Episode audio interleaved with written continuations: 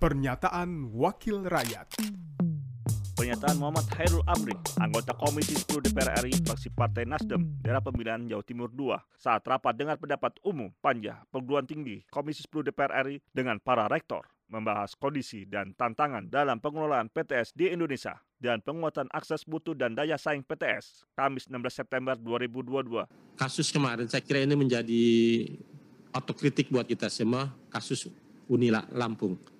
Nah, menurut saya jalur mandiri ini pimpinan kalau di dalam pasar itu kan ada HET, harga eceran tertinggi. Oleh karenanya saya mengusulkan bagaimana di kampus-kampus swasta maupun negeri ini jalur mandirinya itu ada harga eceran tertinggi. Betul itu ada diskresi dari rektor.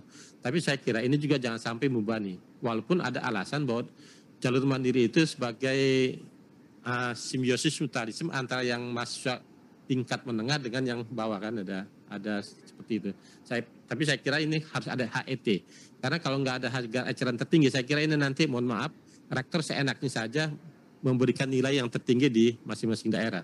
Semakin favorit fakultasnya semakin tinggi nilainya. Saya kira ini nanti uh, kalau harga pasar lagi-lagi ya berapa dia mengeluarkan biaya, berapa juga dia harus menghasilkan untuk plus bunganya dari biaya yang dia keluarkan. Misalnya dokter berarti nanti kan alumni dari situ juga menjadi sangat pragmatis, menjadi konsumtif sekali untuk pasien-pasiennya.